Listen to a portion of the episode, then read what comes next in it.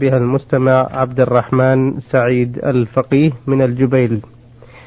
يقول إنه مصاب بضيق الصدر وكثرة الشكوك والوساوس وخاصة حينما يقرأ في كتب الفقه في أبواب الطلاق والأيمان وخصوصا حينما يصف حالة رجل طلق زوجته ويذكر قوله بلسانه كأنه هو الناطق بذلك.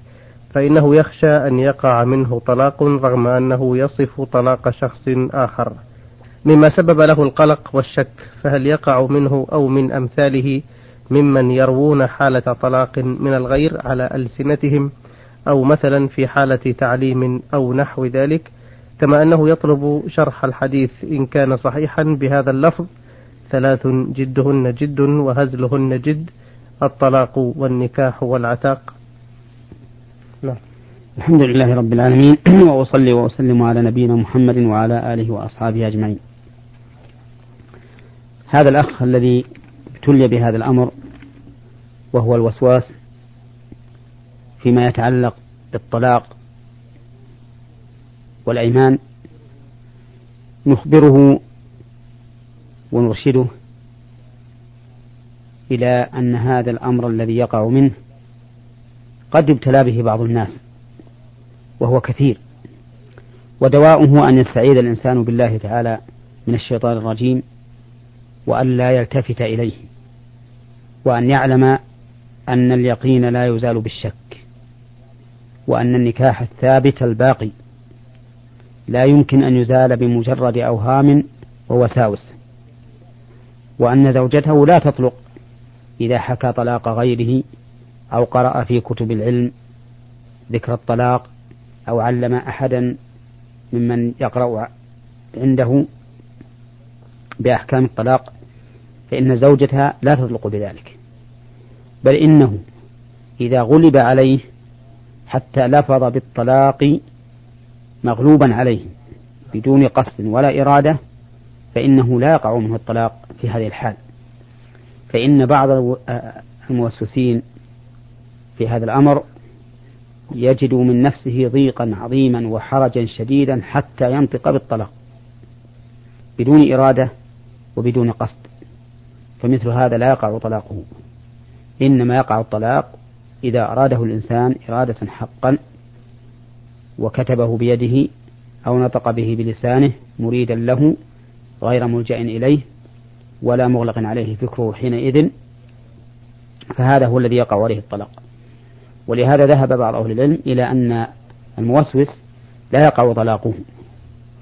وعلى كل حال فإن دواء هذا الوسواس الذي أصاب الأخ السائل وربما أصاب غيره كثيرا دواؤه أن لا يلتفت الإنسان إليه وأن لا يهتم به وأن يعلم إذا أنه إذا حكى طلاق غيره أو قرأ في الفقه باب الطلاق أو درس طلبة في باب الطلاق. فإنه لا تطلق زوجته إذا قال مثل أنت طالق. يريد أن يمثل به للطلبة أو نحو ذلك. ونصيحتي لهذا وأمثاله أن لا يلتفتوا إلى هذه الوساوس أبدا. والشيطان يجري من ابن آدم مجرى الدم ويدخل عليه وساوس في أمور عظيمة كمسألة الطلاق ومسألة الصلاة بل حتى مسألة الإيمان بالله سبحانه وتعالى. ودواء ذلك أن يستعيذ بالله من هذا الأمر وأن ينتهي ويعرض عنه ويلهو عنه وهو بحول الله سيزول. وقد جرب ذلك كثير من الناس فانتفعوا حينما كانوا يستعيذون بالله من الشيطان الرجيم عند إصابتهم بهذا وينتهون عما يوسوسون به. فرأوا من ذلك فائدة عظيمة لأن رسول الله صلى الله عليه وسلم أمر الصحابة بمثل هذا حين شكوا إليه أنهم يجدون في, نفوس في نفوسهم ما لو خر أحدهم من السماء لكان أحب إليه من أن ينطق به. أو لو كان حممة أي فحمة محترقة لكان أحب إليهم ما ينطق به فأرشدهم إلى ذلك صلى الله عليه وسلم. اللهم صل على محمد. أه والحديث الذي ذكره ماذا عن صحته؟ أما الحديث الذي ذكره فهو صحيح. نعم. فإن الطلاق والنكاح والعتق هزله جد فمن عقد النكاح و وقال أنا هازل فإنه لا يقبل قوله هذا لأنه عقده وأراده وثبوت الحكم عند الله عز وجل. وكذلك من طلق ولو كان هازلا فإن طلاقه يقع. ما دام أراد الطلاق فلو كان يمازح زوجته فقال لها أنت طالق. وهو يمازحها فإنها تطلق بذلك. وبهذا نرى أنه يجب على الإنسان أن يحترز في مثل هذه الأمور وأن لا يتلاعب بالطلاق. بالنسبة لعقد النكاح آه، هل تمثلون بمثال لانعقاده بحالة مثلا هزل؟ اي نعم ممكن. نعم. ممكن أن يكون بعض الناس مثلا يمزح مع واحد فيقول مثلا أنا أريد أن تزوجني بنتك وما أشبه ذلك أو يقول له مثلا لا أنا أنا عندك لست بكفؤ ما ما ما أنت مزوجا. فيقول لا أنا أزوجك ويمزح عليه ويقول زوجتك فيقول قبلت. نعم. وهذا ربما يقع. نعم. فإذا حصل هذا الشيء انعقد النكاح. ينعقد لابد أن يكون من من ولي الفتاة نفسها. أي نعم لابد أن يكون من وليها وأن يكون عند من يشترط الإشهاد أن يكون بحضور شهود. نعم. بارك الله فيك. وأما الوعد نعم. المجرد فهذا لا ينعقد به النكاح. مثل أن يقول سأزوجك بنتي أو انتظر حتى تكبر أو ما أشبه ذلك. فهذا لا ينعقد به النكاح لأنه وعد. نعم. نعم. آه هذه الرسالة من المستمع عين ميم عين مصري يعمل بجدة. يقول أنا شاب في الرابعة والثلاثين من عمري متزوج منذ خمس سنوات ولي طفلان والحمد لله. وقد وقعت في أخطاء كثيرة في شبابي وأذن الله لي بالتوبة الصادقة والحمد لله وهداني إلى طريقه القويم. وزادني الله هداية والحمد لله بعد أن من علي بنعمة الزواج والذرية. أجاهد الآن بعون الله في الاستمرار والاستزادة على طريق الله عز وجل ورسوله الكريم صلى الله عليه وسلم. وما يقلقني الآن بل وينغص علي حياتي وخاصة أثناء أدائي لأي شعيرة أو فريضة أو حتى نافلة هو تذكر الدائم والمستمر لما وقعت فيه من أخطاء أثناء شبابي. وخاصة أنني قد زللت في أخطاء هي من أكبر الكبائر. وسؤالي هو أليس هناك من سبيل بعد أن تبت إلى الله توبة صادقة إلى راحتي إلى إراحة نفسي من آلامها الموجعة؟ كلما تذكرت تلك الخطايا وخاصة الكبائر منها إنني أفكر في طريقة ربما تساعدني على نسيان هذه الخطايا ولكن تحتاج إلى فتوى منكم وهذه الطريقة تتلخص في إقامة الحد الشرعي على نفسي فيما ارتكبته من كبائر فهل يلزمني هذا؟ وكيف السبيل إلى ذلك علما أن بعضها قد تكرر أكثر من مرة في الزمن الذي أشرت إليكم به. أرجو إرشادي إلى عمل يريحني ويطمئنني إلى قبول توبتي الصادقة. هذه التوبة هي في الحقيقة توبة صادقة فإن هذا الندم العظيم الذي جرى منك والإقلاع الذي حصل هو حقيقة التوبة. ولا سيما وأنت والحمد لله حسب ما وصفت عن نفسك الآن ملتزم بطاعة الله سبحانه وتعالى حريص على فعل الخير والانكفاف عن الشر. فأنت الآن قد تبت حسب ما وصفت عن حالك توبة نرجو من الله سبحانه وتعالى أن يتقبلها منك. وثق يا أخي بأنك ما دمت على هذا ما دمت على هذا الوصف فإن جميع ما سلف قد محاه الله عز وجل. بل إن الله يقول والذين لا يدعون مع الله إلها آخر ولا يقتلون النفس التي حرم الله إلا بالحق ولا يزنون ومن يفعل ذلك يلقى أثاما يضاعف له يلقى أثاما يضاعف له العذاب يوم القيامة ويخلد فيه مهانا إلا من تاب وآمن وعمل عملا صالحا فأولئك يبدل الله سيئاتهم حسنات وكان الله غفورا رحيما. ومن تاب وعمل صالحا فإنه يتوب إلى الله متابا. فأنت بحول الله ممن يبدل الله سيئاتهم حسنات. ما دمت قد صدقت في توبتك وندمت هذا الندم العظيم. ولا تلتفت إلى ما سبق. بل إن إن التفت إليه فلا تلتفت على أنه أمر لم يغفر.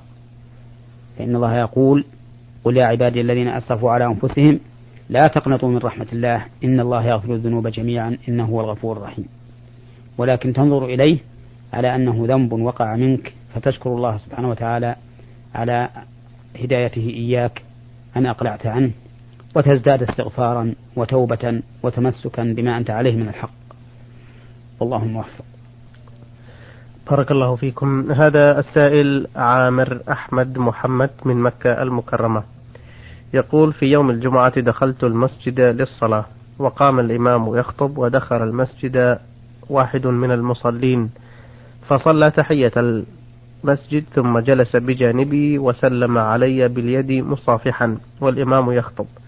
فهل من حقي أن أصافحه باليد وأرد السلام عليه أو أعمل بحديث الرسول صلى الله عليه وسلم من مس الحصى فقد لغى ومن لغى فلا جمعة له فقد أومأت له برأسي وبعد أن فرغ الإمام من الخطبة سلمت عليه واعتذرت منه وأخبرته بالحديث فهل الحديث صحيح أم ضعيف؟ وهل الحق معي فيما فعلت؟ الإنسان إذا جاء والإمام يخطب يوم الجمعة فإنه يصلي ركعتين خفيفتين ويجلس ولا يسلم على أحد. فالسلام على الناس في هذه الحال محرم.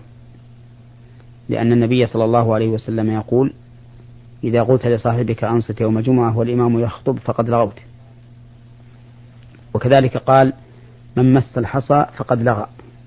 واللاغي معناه الذي أتى شيئا من اللغو.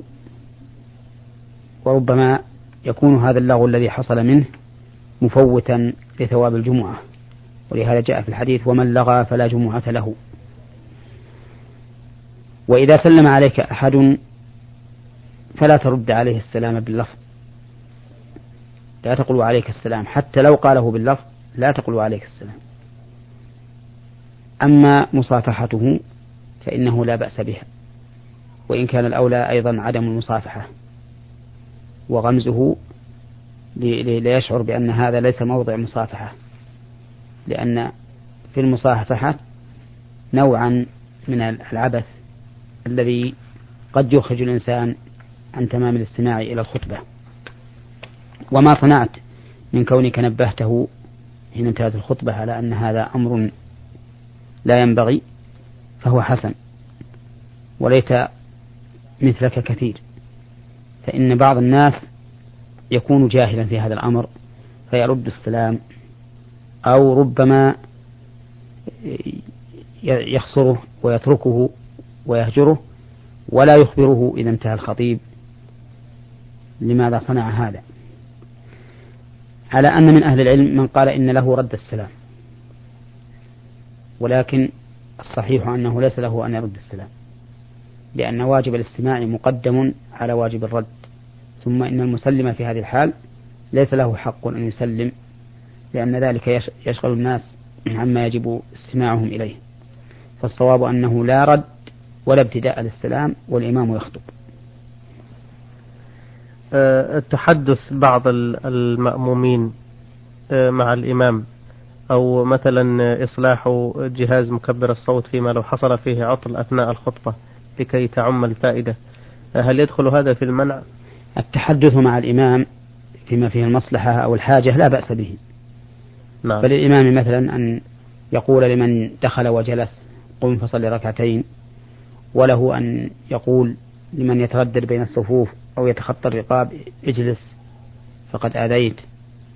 وله أيضا أن يتكلم مع من يصلح جهاز مكبر الصوت إذا حصل فيه عطل أو يتكلم مع إنسان ليفتح الشبابيك إذا حصل على الناس غم وضيق تنفس أو ما أشبه ذلك. المهم أن الخطيب له أن يكلم من شاء للمصلحة أو للحاجة وكذلك لغيره أن يكلمه للمصلحة أو للحاجة. نعم. نعم. آه هذه رسالة من المستمع إبراهيم محمد. آه بعث بعدة أسئلة. يقول في سؤاله الأول كيف تقدر مدة المسح على الخفين؟ أهي بالساعات أم بالفروض؟ وكيف ذلك بالنسبة للمسافر والمقيم؟ وهل تقاس عليها العمامة التي تربط على الرأس بإحكام ولا يسهل خلعها عند كل وضوء أم لا؟ هذه المسألة من أهم المسائل التي يحتاج الناس إلى بيانها.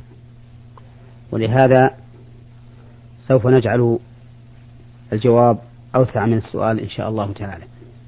بارك الله فيك. فنقول إن المسح على الخفين ثابت بدلالة الكتاب والسنة.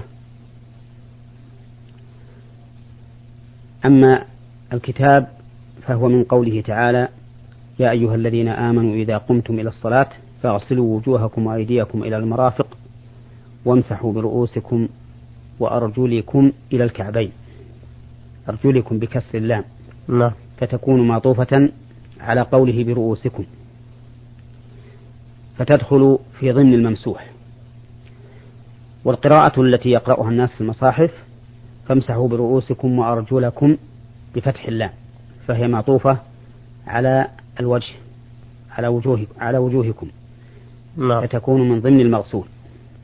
وحينئذ فالأرجل بناء على القراءتين إما أن تغسل وإما أن تمسح. وقد بينت السنة متى يكون الغسل ومتى يكون المسح. يكون الغسل حين تكون القدم مكشوفة ويكون المسح حين تكون مسورة بالخف ونحوه. نعم. أما السنة فقد تواتر عن النبي صلى الله عليه وسلم المسح على الخفين وعده أهل العلم من المتواتر. كما قال من نظم ذلك مما تواتر حديث من كذب ومن بنى لله بيتا واحتسب ورؤية شفاعة والحوض ومسح خفين وهذه بعض. فمسح الخفين مما تواترت به الأحاديث عن النبي صلى الله عليه وسلم. والمسح على الخفين إذا كان الإنسان قد لبسهما على طهارة أفضل من خلعهما وغسل الرجل. ولهذا لما أراد المغيرة بن شعبة رضي الله عنه أن ينزع خفي رسول الله صلى الله عليه وسلم عند وضوئه قال له دعهما فإني أدخلتهما طاهرتين ثم مسح عليهما. وللمسح على الخفين شروط. الشرط الأول أن يلبسهما على طهارة على طهارة كاملة من الحدث الأصغر والأكبر. نعم. فإن لبسهما على غير طهارة فإنه لا يصح المسح عليهما. والشرط الثاني أن يكون المسح في مدة المسح كما سيأتي بيان المدة إن شاء الله تعالى. والشرط الثالث أن يكون المسح في الطهارة الصغرى أي في الوضوء. أما إذا صار على الإنسان غسل فإنه يجب عليه أن يخلع الخفين ليصل جميع بدنه. ولهذا لا مسح لا مسح على الخفين في الجنابة. كما في حديث صفوان بن عسار رضي الله عنه. هذه الشروط الثلاثة من شروط المسح جواز المسح على الخفين. أما المدة فإنها يوم وليلة للمقيم وثلاثة أيام بلياليها للمسافر ولا عبرة بعدد الصلوات بل العبرة بالزمن. فالرسول عليه الصلاة والسلام وقتها يوما وليلة للمقيم وثلاثة أيام بلياليها للمسافر. واليوم والليلة هو أربع وعشرون ساعة. وثلاثة الأيام بلياليها اثنتان وسبعون ساعة. نعم. لكن متى تبتدئ هذه المدة؟ تبتدئ هذه المدة من أول مرة مسح. وليس من لبس الخف ولا من الحدث بعد اللبس. نعم. لأن الشرع جاء بلفظ المسح. والمسح لا يتحقق إلا بوجوده فعلا. يمسح المقيم يوم وليلة ويمسح المسافر ثلاثة أيام. فلا بد من تحقق المسح وهذا لا يكون إلا بابتداء المسح بأول مرة. والوقت الذي ابتدأ به ينتهي به. يكون ابتداء المدة من أول مرة مسح فإذا تم أربعة فإذا تمت أربع وعشرون ساعة من ابتداء المسح انتهى وقت المسح بالنسبة للمقيم. وإذا تمت اثنتان وسبعون ساعة انتهى المسح بالنسبة للمسافر. ونضرب لذلك مثلا. نعم. يتبين به الأمر. رجل تطهر لصلاة الفجر ثم لبس الخفين. ثم بقي على طهارته حتى صلى الظهر وهو على طهارته وصلى العصر وهو على طهارته. وبعد صلاة العصر في الساعة الخامسة تطهر لصلاة المغرب ثم مسح. فهذا الرجل له أن يمسح إلى الساعة الخامسة من اليوم الثاني. إلى الساعة الخامسة من اليوم الثاني. فإذا قدر أنه مسح في اليوم الثاني في الساعة الخامسة إلا ربعا. وبقي على طهارته حتى صلى المغرب وصلى العشاء. فإنه حينئذ يكون صلى في هذه المدة صلاة الظهر أول يوم والعصر والمغرب والعشاء والفجر في اليوم الثاني والظهر والعصر والمغرب والعشاء. فهذه تسع صلوات صلاها. وبهذا علمنا أنه لا عبرة بعدد الصلوات كما هو مفهوم عند كثير من العامة حيث يقولون إن المسح خمسة فروض هذا لا أصل له وإنما الشرع وقته بيوم وليلة تبتدئ هذه المدة من أول مرة مسح. وفي هذا المثال الذي ذكرنا عرفت كيف كم صلى من صلاة في لبس الخفين. نعم. وبهذا المثال الذي ذكرناه تبين أنه إذا تمت مدة المسح فإنه لا يمسح بعد هذه المدة. ولو مسح بعد المدة بعد تمامها فمسحه باطل. لا يرتفع به الحدث. لكن لو مسح قبل أن تتم المدة ثم استمر على طهارته بعد تمام المدة فإن وضوءه لا ينتقض. بل يبقى على طهارته حتى يوجد ناقض من نواقض الوضوء. نعم.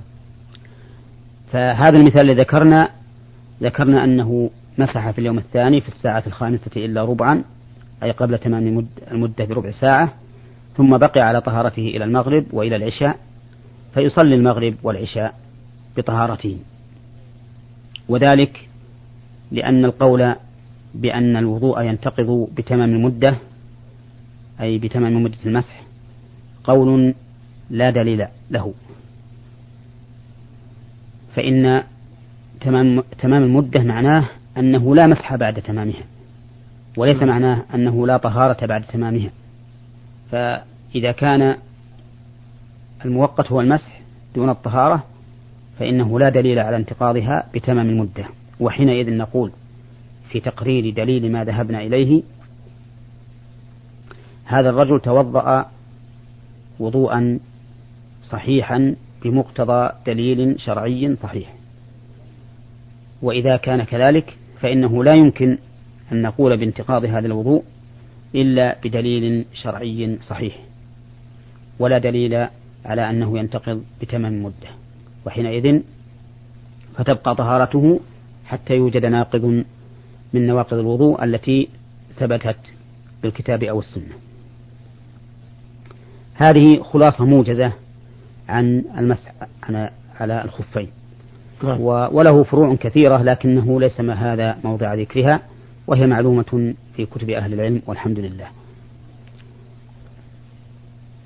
أما المسافر نعم. فإنه له ثلاثة أيام بلياليها أي اثنتان وسبعون ساعة تبتدئ من أول مرة مسح. ولهذا ذكر فقهاء الحنابلة رحمهم الله أن أن الرجل لو لبس خفيه وهو هو مقيم في بلده ثم أحدث في نفس البلد ولم يسافر ثم سافر ولم يمسح إلا بعد أن سافر قالوا فإنه يتم مسح مسافر في هذه الحالة فاعتبروا ابتداء المدة من المسح من أول مرة مسح وهذا مما يدل على ضعف القول بأن ابتداء المدة من أول حدث بعد اللبس. أما مسألة العمامة فالعمامة قد ثبت عن النبي صلى الله عليه وسلم جواز المسح عليها وهي من حيث النظر أولى بالمسح من الخفين لأنها ملبوسة على ممسوح فهي أصلا طهارة هذا العضو وهو الرأس أخف من طهارة الرجلين لأن طهارته تكون بالمسح. فالفرع عنه وهي العمامة يكون كذلك بالمسح. ولكن هل يشترط فيها ما يشترط في الخف بأن يلبسها على طهارة وتتقيد مدتها بيوم وليلة للمقيم وثلاثة أيام بلياليها للمسافر أو أن المسح عليها مطلق متى كانت على الرأس مسحها سواء لبسها على طهارة وبدون توقيت إلا أنه في الحدث الأكبر لا يمسح عليها لأنه لا بد من الغسل لجميع البدن. هذا فيه خلاف بين أهل العلم والذين قالوا بأنه لا يشترط لبسها على طهارة ولا مدة لها قالوا لأنه ليس في ذلك دليل عن النبي صلى الله عليه وسلم. وقياسها على الخفين على ما يقولون قياس مع الفارق. لأن الخفين لبسا على عضو مغسول. طهارته لا بد من الغسل فيها. وأما هذه فقد لبست على عضو ممسوح طهارته أخف. فلهذا لا يشترط للبسها طهارة ولا توقيت لها. ولكن لا شك أن الاحتياط أولى والأمر في هذا سهل فإنه ينبغي أن لا يلبسها إلا على طهارة وأن يخلعها إذا تمت مدة المسح ويمسح رأسه رأسه ثم يعيدها. آه، ما هي الأشياء التي تبطل مدة آه، المسح على الخفين أو على العمامة غير انتهاء المدة؟ يبطل المسح أيضا خلع الخف. نعم. إذا خلع الخف بطل المسح. في أي وقت كان؟ نعم. في أي وقت كان لكن الطهارة باقية. الطهارة باقية. ودليل كون خلع الخف. يبطل المسح حديث صفوان بن عسال. أمرنا أمرنا رسول الله صلى الله عليه وسلم ألا ننزع خفافنا. فدل هذا على أن النزع يبطل المسح. فإذا نزع الإنسان خفه بعد مسحه بطل المسح عليه. بمعنى أنه لا يعيد لبسه فيمسح عليه. إلا بعد أن يتوضأ وضوءا كاملا يغسل فيه الرجلين. وأما طهارته إذا خلعه فإنها باقية. فالطهارة لا تنتقض بخلع الممسوح. وذلك لأن الماسح إذا مسح تمت طهارته بمقتضى الدليل الشرعي. فلا تنتقض هذه الطهارة إلا بمقتضى دليل شرعي. وليس هناك دليل شرعي على أنه إذا خلع الممسوح بطل الوضوء وإنما الدليل على أنه إذا خلع الممسوح بطل المسح. نعم. أي لا يعاد المسح مرة أخرى إلا بعد غسل الرجل بعد غسل الرجل بوضوء كامل. وعليه فنقول إن الأصل بقاء هذه الطهارة الثابتة في مقتضى الدليل الشرعي حتى يوجد الدليل. وإذا لم يكن دليل فإنه فإن الوضوء يبقى غير منتقض. وهذا هو القول الراجح عندنا. جزاكم الله خير الجزاء. أيها الإخوة الأعزاء عرضنا رسائلكم في لقائنا اليوم على الشيخ محمد بن صالح العثيمين المدرس بكلية الشريعة بجامعة الإمام محمد بن سعود الإسلامية بالقصيم وإمام وخطيب المسجد الجامع الكبير بعنيزة. وقد أجاب عن أسئلة الإخوة عبد الرحمن سعيد الفقيه من الجبيل والأخ عين ميم عين مصري يعمل بجدة والأخ عامر أحمد محمد من مكة المكرمة والأخ إبراهيم محمد من أبها. أعزائنا الكرام نشكركم جزيل الشكر وإلى اللقاء والسلام عليكم ورحمة الله وبركاته. نور على الدرب برنامج يومي يجيب فيه أصحاب الفضيلة العلماء على أسئلة المستمعين الدينية والاجتماعية. البرنامج من تقديم وتنفيذ أحمد عبد العزيز الغامدي.